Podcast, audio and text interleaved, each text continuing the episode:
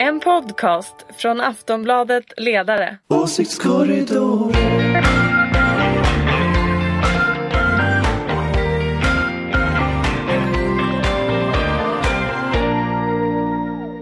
Hej och välkomna till veckans avsnitt av Åsiktskorridoren, din vän i den politiska djungeln. Det är ett och ett halvt år kvar till det ordinarie valet och vi ska som vanligt försöka förklara vart Sverige egentligen är på väg. Med mig har jag Ulrika Schenström, oberoende moderat, ankare i Åsiktskorridoren och chef för den gröna och liberala tankesmedjan Fores. Hej! Hej hej! Kul att vara här igen. Hej! Anders Lindberg, politisk chefredaktör för oberoende socialdemokratiska Aftonbladet och en av Åsiktskorridorens eh, röster ända sedan starten. Hej på dig! Hej på mig, eller hej! Och Jonna Sima som arbetar på Aftonbladets ledarsida, eh, är redaktionssekreterare och välkänd för poddens trogna lyssnare. Hej! Hej!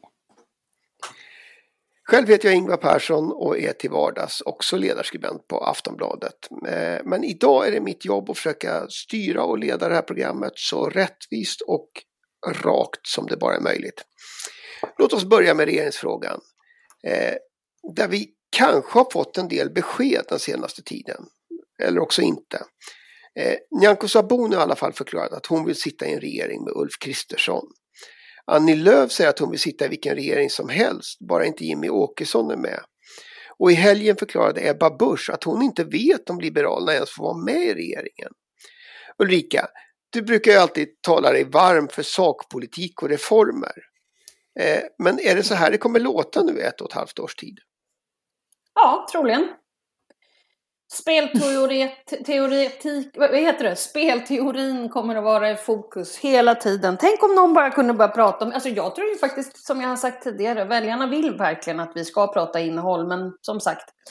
Jag tycker däremot att det är viktigt att varudeklarera före valet, så att det har ändå med vem man gör det med, så att säga. Men jag tycker ju egentligen att man börjar om vad och varför och sen med vem. Men eftersom de har börjat i andra ordningen så, så får de väl göra det åt andra hållet då. Tydligen vill vi göra det, men vad får vi då? Eller hur? tycker jag är lite spännande. Så att eh, fram med alla budgetförslag på bordet. Ja, kommer vi få se några budgetförslag, Jonna? Eh, ja, det verkar ju vara så. Alltså om man lyssnar på Ulf Kristersson. Först var det att han lovar ett avtal med Sverigedemokraterna, fick vi höra. Och sen så att SD ska få tjänstemän i regeringskansliet. Så att nog får vi nog någon slags budgetutkast också kanske fram vart det lider. Men jag gillar mer faktiskt eh, Mikael Dambergs syn på det som han eh, la fram det i 30 minuter i det här Anders Holmbergs intervjuprogram. Att hela den här diskussionen föregår liksom valresultatet som är lite trist. Att man ska ju, man borde låta väljarna få säga sitt innan man börjar med de här spelteorierna. Vi har liksom varit med om det i flera val nu. Jag tycker att eh, först får man låta väljarna rösta och sen så göra upp olika konstellationer. Fast det är väl inte precis så frågorna har lagts upp på till exempel Aftonbladets ledarsida, Anders? Nej. Jag tycker ju att det är ganska obehagligt att göra så att, att de ska liksom göra upp i efterhand. Därför att då vill jag väldigt gärna veta ifall Moderaterna till exempel kommer att säga ja till att, att det blir kriminellt att gömma en, en flykting och ifall man dessutom vet om att någon har gömt en, krimin, en, en, en flykting, att det också, om man inte anmäler det till polisen, att det blir, blir kriminellt. Det skulle jag jättegärna vilja veta om det är det som till exempel eh, kommer att gå igenom i Moderaternas och de, den här eh, konservativa eh, blockets eh, politik. Det tycker jag, alltså, det är ju ett angiverisamhälle som det är början på. Det skulle jag gärna vilja ha varit deklarerat före valet faktiskt. Så att, eh, nej, jag vill nog veta lite mer om vad jag får än grisen i säcken. Alltså svenska språket eh, kan, har liksom inte riktigt begreppsapparat tycker jag för detta. På, på engelska pratar man ju om skillnad mellan policy och politics, skillnad mellan sakpolitik och politiskt spel. Och jag upplever väl att det som det konservativa blocket har att erbjuda, det är politics. Det finns ingen policy i dagsläget som är gemensam överhuvudtaget. Nej. Och kan man vinna ett val bara på regeringsfrågan? Det, det betvivlar jag. Så någon form av gemensam Jag tror det är jättesvårt. kommer ju de konservativa att få, få redogöra Ja, det måste för. de ju göra. Eh, och, och jag tror att Ja. Jo, men jag tror också att jag, jag tror också att den här liksom eh, på något sätt stämningen som de har av att de är oppositionen, eh, de har liksom, de, de ser ju ut som att de tror att de håller på att vinna. Tittar man på mätningar så ser man, det kom en, en SIFO i lördags till exempel, då ser man att Stefan Löfven hade fortsatt vara statsminister vid ett val idag. Så att, så att lite så känns det som att de lever i en bubbla där de övertygar varandra om att de håller på att vinna. Men väljarna är liksom inte med i bubblan. Eh, och det är väldigt intressant, intressant läge. Det, det ser nästan ut som att Sabuni hoppar på ett framgångståg när hon i själva verket hoppar på någon slags liksom, sjunkande skepp mer eller mindre. Och det är liksom... Ja, det är Som liksom inte ens vill intressant. ha henne på det där skeppet. Som inte ens vill ha henne. Så det, det är väldigt intressant hur liksom de framställer det här på ett annat sätt. Ungefär som att Liberalerna säger hela tiden att det är nya fel på januariavtalet. Liksom. Ja, men ta era 2,8 procent och utlys ett nyval då. Kör! Men sen är inte jag helt säker på det du, att det du säger stämmer. Att, eh, att, eh, utan jag, alltså jag tror att väljarna också kan rösta på någonting som bara är något annat än regeringen. De kanske inte vet vad Är det det är de får, men de nu, röstar eller? emot någonting. Alltså det, Är det mig du pratar nej, om jag nu? säger emot du. min chef Anders Lindberg. Jaha, Ja. mm.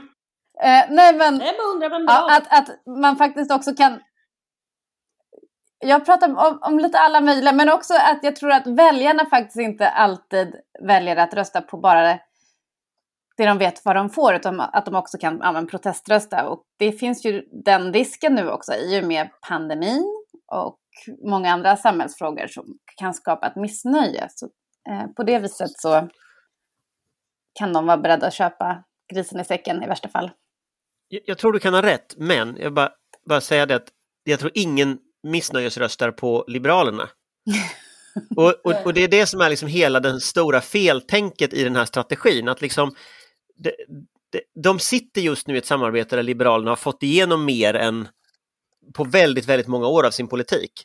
Det ska de överge för ett samarbete som signalerar att de inte vill ha dem och där man kan ju fråga sig hur många röster de får från det. Eh, kommer, kommer Moderaterna och Kristdemokraterna stödröster, kommer de att lita på Liberalerna? Jag skulle ju aldrig lita på Liberalerna överhuvudtaget om jag tittar på dem de senaste åren. Eh, jag skulle aldrig lita på Liberalerna överhuvudtaget, kanske, punkt. Men, men, eh, men då är vi tillbaka i Liberalerna. Det har vi ju diskuterat en del. Eh, kan man ju säga. Och, och med ungefär samma slutsats varje gång också. Men, men är inte problemet större än så? Om det nu är så att, att man nu håller på och drar upp, jag menar de här röda linjerna, de är ju nödvändiga som Ulrika eh, säger för att man ska veta vad man inte får då. Men å andra sidan så eh, för två och ett halvt år sedan så, så var det ju så mycket röda linjer så Sverige höll på att inte få någon regering alls. Det är ju egentligen det Jonas poäng är. Är det ett problem? Alltså är vi på väg dit igen? Med till exempel Annie Lööfs uppfattning att Vänsterpartiet kan man heller inte prata med. Ja, det är hopplöst. Det, jag förstår inte den inställningen att man ska hålla på och dra upp massa röda linjer innan man har haft något valresultat. Alltså det, vi måste ju ha en regering. Sverige måste regeras. Så det måste ju lösas på något vis. Eh, och det höll ju på att... Jo, men jag kan, förstå, jag, kan förstå, jag, jag kan hålla med om det. Det är bara det att det finns ju då ett parti här som kanske har väldigt konstiga uppfattningar om sakernas tillstånd. Eh, vilket gör att jag gärna skulle vilja veta vad det är Moderaterna och eh, till exempel Kristdemokraterna tänker släppa igenom i den frågan. Det tycker jag faktiskt är en otroligt viktig fråga. Därför att de har inte suttit i regeringsställning förut. De har inte blivit granskade. De har bara blivit granskade när det gäller vissa delar av migrationspolitiken. Vissa delar av de delar som kan rymmas inom justitieutskottet. Men inte om till exempel jämställdhet, kulturpolitiken ordentligt. Så att jag, jag, jag är verkligen jätte, jätteintresserad av ifall de här tre tänker göra upp och i så fall vad man kommer gå med på. Jag tror det är otroligt viktigt. Men, men jag tänker också, alltså frågan är, får man det beskedet innan valet? Alltså, jag, jag tror att det vore önskvärt att få det. Samtidigt så är ju jag tänker ju att om eh, Moderaterna skulle säga till exempel, ja men vi är beredda att sälja ut public service till, liksom, eh, till Sverigedemokraterna. Det lät ju på Ebba Busch i helgen på, i lördagsintervjun som att hon var beredd att sälja i stort sett allting. Va? Eh, Okej, okay, vi säljer ut det till Sverigedemokraterna. Alltså, är inte risken rätt stor då att folk helt enkelt röstar på något annat? Alltså, det, det är ju det som är grejen, att visa dem de här den här politiken som ett konservativt block skulle föra, jag tror den är ganska oattraktiv för väljarna. Jag tror inte människor skulle rösta på den. Jag tror de kommer mörka så mycket de kan. Precis, och det var väl därför det gick till som det gjorde när Oskar Sjöstedt sa det blir noll eller allt och sen gick Jimmy Åkesson ut och liksom drog ner eh, på det där och sa att nej, nej, vi ska oj, oj, oj, oj, oj, oj. Jag förstår precis. Men det är ju just det som är poängen. Vill vi gå in i en risk för att om, om folk tycker att det är intressant att rösta på ett konservativt block, inser man att man då riskerar att få en del politiska förslag som kan bli verklighet som leder till ett angiverisamhälle. Det var ett exempel. Eh, jag tycker att det är extremt relevant. Men är, men är inte precis den där frågan det som har varit eh, problemet i den gamla alliansen, åtminstone sedan förra valrörelsen?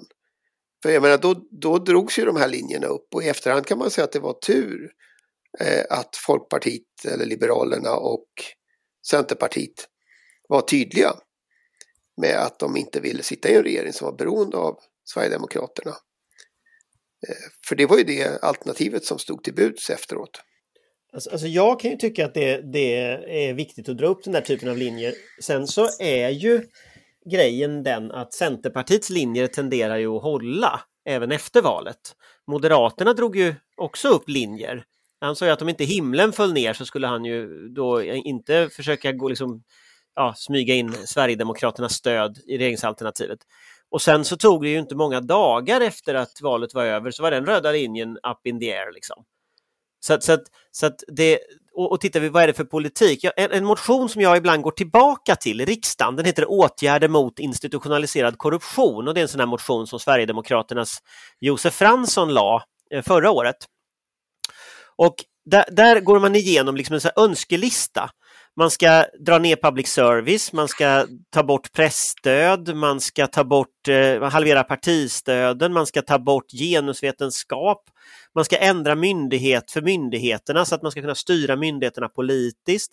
Eh, alltså, man ska lägga ner Sveriges, eller minska arrangemanget i FN. Eh, man ska till och med lägga ner Allmänna arvsfonden, för den ger ju pengar då till saker de inte gillar, Sverigedemokraterna. Så det är en extremt hård styrning av svensk kulturpolitik, mediapolitik, partipolitik som går raka vägen in i liksom den ungerska eh, inriktningen, där man inte har fri press, inte har fri forskning och så vidare. Och Det här lägger han fram i riksdagen, det, det ligger på riksdagens bord, eh, eller låg på riksdagens bord. Eh, och, och, och och, det är ju det här som Moderaterna och Kristdemokraterna kommer att möta i förhandlingsrummet. Det är den här önskelistan. Så att liksom den frågan som Moderaterna borde svara på det är liksom hur många av punkterna i den här Franssons motion är det de ska acceptera? Han har 19 punkter som alla inskränker den liberala demokratin. Eh, vilken, vilka av dem? Säg att Sverigedemokraterna med sina 40, 40 procent ungefär av det här regeringsalternativet, om de får en 20 procent av väljarna, Ja, är det, är det hälften de får igenom? Är det en tredjedel? Alltså det är ju det som är liksom det konkreta. Det är det, de, det är det som de tänker mörka, tror jag. Och det betyder att vi kommer att fortsätta prata om det i åsiktskorridoren? Vi kommer fortsätta prata om det, absolut. Men det finns också fri media som skulle kunna granska det här, så att säga. Fast där tänker jag så här att media har börjat, alltså jag, jag tror väldigt många tror att Sverigedemokraterna är ett enfrågeparti mot invandrare. Men mm. Sverigedemokraterna har liksom en helt en, en illiberal nationalistisk dagordning för alla sakområden. Och, och, nu finns det ju tio år snart, eh, eller tio år i, i riksdagen av liksom motioner. Det finns beslut på kongresser, det finns uttalanden från en massa sverigedemokrater. Eh, så man kan inte säga att man inte vet om detta. Ändå så diskuteras inte det här politiken. De kommer ju att komma väl förberedda in i sammanträdesrummet med allt det här bagaget. Liksom så? Eh, och, och det, det, upplever jag att media, det är nästan ingen, det är väl David Bas på, på Expressen som granskar det där. Liksom. Men det är väldigt, väldigt få som, som tittar på det här noggrant. Och med ett Speciellt Sveriges. Television och Sveriges Radio gör det ju inte. Eh, men också med ett självförtroende som att de är fyra, fem gånger större än det lilla samarbetspartiet då med eh, till Moderaterna. Jag menar KD alltså. Mm. Så att det kommer, Ja, kommer som sagt, vi igenom lär en få. Mm. ja, vi lär få återkomma och fortsätta och, och fundera på det här. Men eh, uppmaningen till media blir väl också en uppmaning till Aftonbladets ledarsida då kan man tänka. Du tänker så? Ja, visst. Ja. Vi tar det uppdraget på stort allvar. Jag förstår.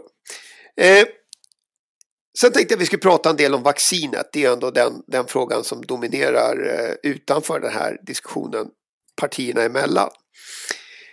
I förra veckan så meddelade ju AstraZeneca att de inte kan leverera eh, ens det de tidigare hade sagt att de skulle försöka leverera. Eh, och nu fattas drygt 3 miljoner doser. Tydligen beror det på en trasig fabrik i Belgien men också på vaccin, vaccinprotektionism från USA, Storbritannien och Indien. Några tycker säkert också att EU-kommissionen har ett ansvar eftersom de har skött kontakterna med läkemedelsbolagen. Eh, Tegnell säger att förseningarna kommer att påverka men, inte vill, säga, men vill inte säga hur mycket. Vaccinsamordnaren i Dalarna däremot, Olof Ers heter han, eh, talar klarspråk. Inte en chans sa han i förra veckan om att alla skulle vara vaccinerade till midsommar. Jonna, vem kommer folk att bli arga på när de inser att det kanske inte blir någon chartersemester och inte något jättelikt bröllop i år heller? Ja, med tanke på att vi har ett stort pedagogiskt problem i Sverige att eh, förklara hur ansvaret ser ut i olika politiska frågor, alltså kommun, regioner och regering, så kommer givetvis Lena Hallengren få sin, eh, sina fiskar varma, tror jag, om inte folk blir vaccinerade till midsommar. Men sen är det ju också det här med vaccinprotektionismen. Alltså jag tror väldigt många ute i landet tycker att det är illa att Sverige inte har någon egen, några egna vaccinfabriker. Eller vi har en till och med i Solna såg jag, men de ska skickas till, deras vaccindoser ska skickas till Storbritannien. Ja. Ulrika, om du hade varit rådgivare till Mm. Lena Hallengren, hur skulle du ha lagt upp presskonferensen där man berättar att det inte blir färdigt till midsommar? Ja, det är ju en mardröm. Alltså, ja, jag vet inte ens om jag... Gud, den rollen vill man inte alls ha. Ehm, Det här kommer bli jättesvårt därför att jag tror att det här kommer att bli en fråga kring den europeiska samverkan som vi har sett den sedan 95. Jag tror att det här kommer bli jättekomplicerat. Jag tror inte det finns, alltså det finns ju inte så mycket att säga. Alltså att vi har fått färre doser, ja, ja det är väl kanske alltid bäst att säga som det egentligen är och det vet inte jag hur det är. Så att, um, I don't know, faktiskt. Blir det en sweatsit som du brukar ju- säga?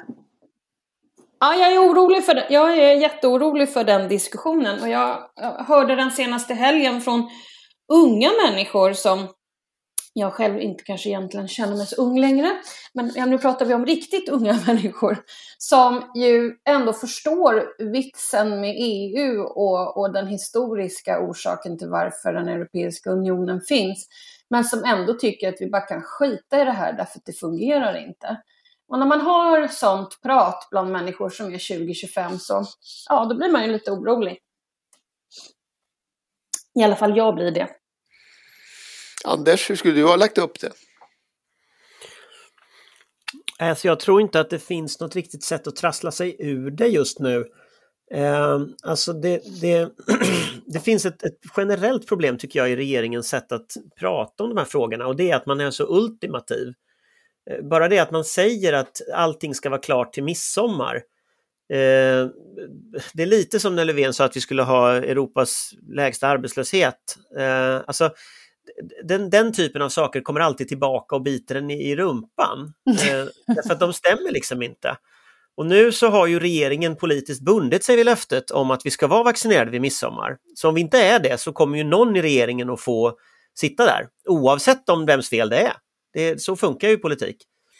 Eh, och det tror jag var ett misstag. Nu har man gjort det misstaget, så nu, sitter man, nu får man väl försöka så gott man kan vaccinera alla.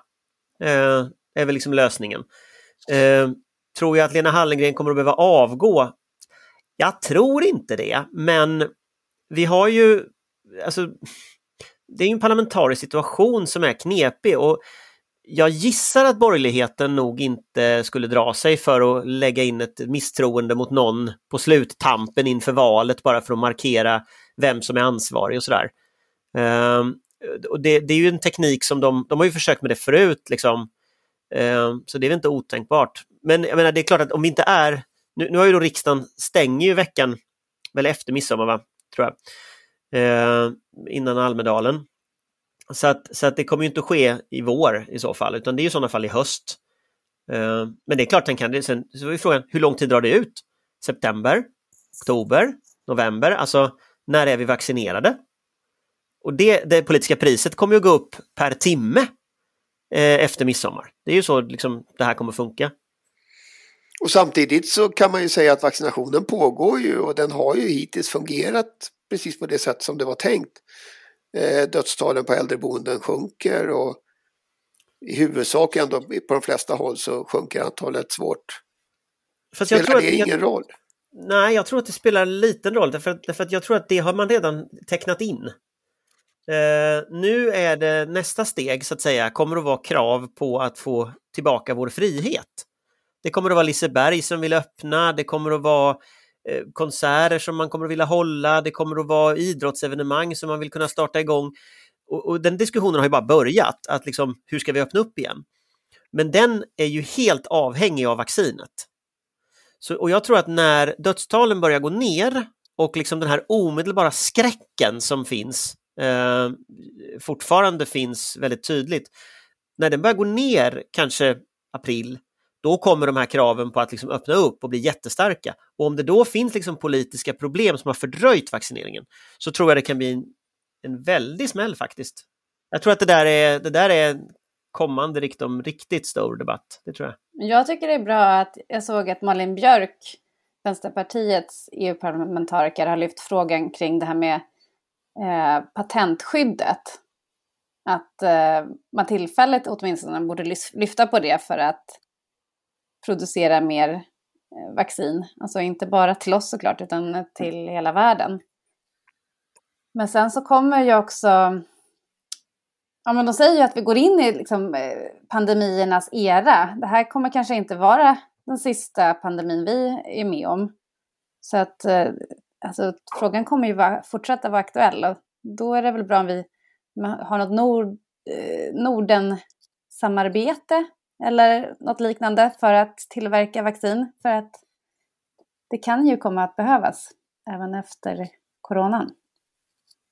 Och sen tror jag inte man ska underskatta heller den här coronakommissionen. För den är ju liksom riggad, eh, om, man, om man läser liksom Moderaternas debattartikel innan den här kom, så är ju Coronakommissionen riggad för att leta syndabockar snarare än för att ta fram ett nytt förslag på hur man ska klara beredskapen. Eh, den är ju på det sättet mer av en, liksom en, en, en undersökningskommission av liksom vems fel är någonting än, eh, än egentligen att man kan titta på helheten och komma med konkreta förslag till förändringar. Och Det betyder ju, och det tror jag gör att man kommer att tappa i alla fall ett par år i utredningsarbetet om hur en, säker, en mera säker struktur skulle se ut. Eh, och det tror jag är ett, ett, ett jättemisstag av regeringen att tillsätta den här kommissionen med det mandatet. Därför att det betyder att när, det här, när vi kommer ur det här, säg att vi kommer ur det här i höst eller till, till årsskiftet kanske, då har vi fortfarande ingen idé om vad är liksom en coronaberedskap. Hur ska liksom Sveriges beredskap förändras? Då kommer det behöva starta nya utredningar för att ta fram liksom, de delarna. Och, och sen kanske nästa pandemi kommer om ett par år, då kommer vi fortfarande ha samma beredskap som idag. Så jag tror att, jag tror att vi, vi är för långsamma, tror jag. Nu hade väl kanske regeringen inte så stor handlingsfrihet när de just tillsatte den där kommissionen. Det var väl det var ett rätt hårt politiskt tryck. Ja, alltså det är möjligt, men samtidigt så, så tror jag, jag tror att det är ett misstag. Alltså, vi kan gå tillbaka till den här motståndskraft från försvarsberedningen som kom 2017. Eh, som ju pekar på att totalförsvaret är helt under isen och att det måste rustas upp på olika sätt. Mm, väldigt mycket av det har fortfarande inte hänt. Och det är fyra år sedan nu. Eh, rulla fram fyra år till så kanske vi har en ny pandemi och fortfarande ingenting har hänt. Och jag fattar liksom det politiska kortsiktiga perspektivet, men liksom beredskapsfrågor borde inte få, man borde inte få leka politik med beredskapsfrågor på det sättet som man har gjort med den där coronakommissionen.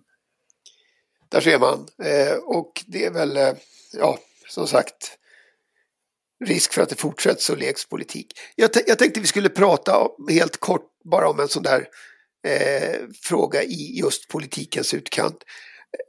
De senaste dagarna har ju en allt mer häpen allmänhet kunnat följa interiörerna från den eh, konservativa tidningsprojektet Bulletin.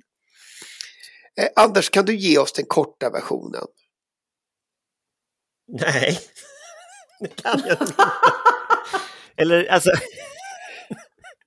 ja, den, den, korta versionen är väl att de startade Bulletin som ett, ett eh, ganska ambitiöst tidningsprojekt. Det skulle bli en svensk New Avengers. York Times och Ja, men det skulle vara liksom väldigt, väldigt hög svansföring hade man och man rekryterade ett antal av de, de mer profilerade konservativa debattörerna eh, för det här projektet.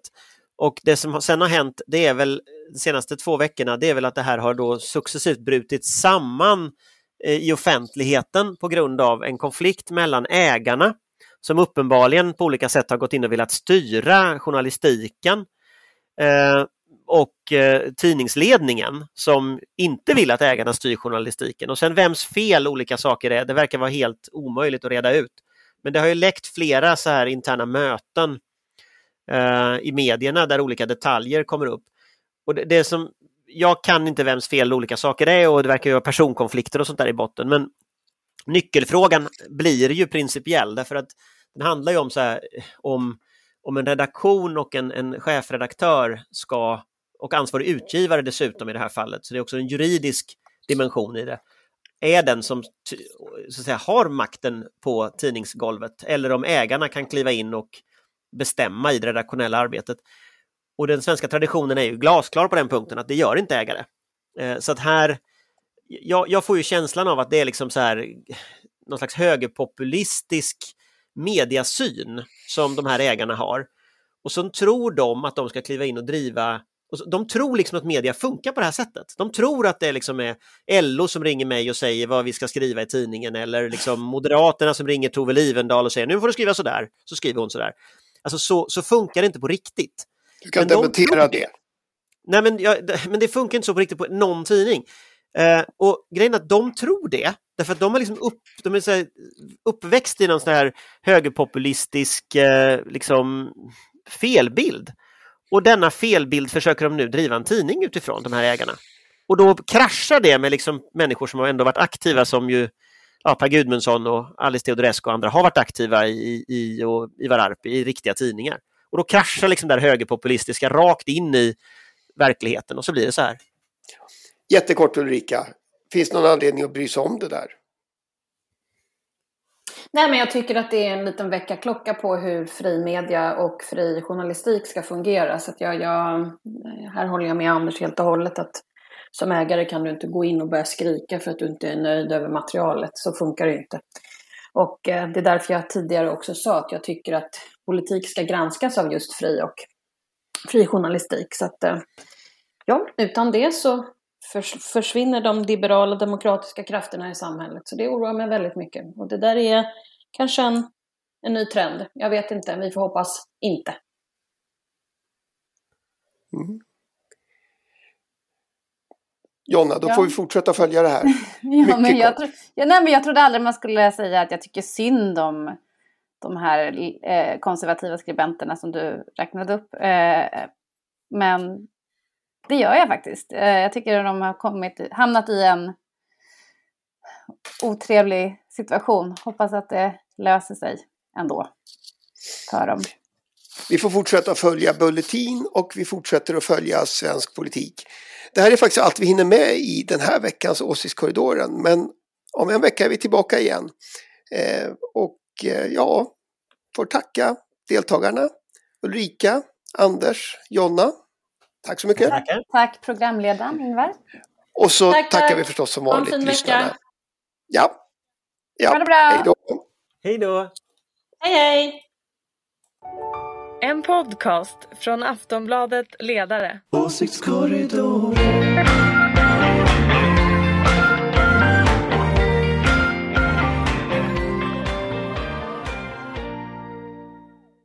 Du har lyssnat på en podcast från Aftonbladet.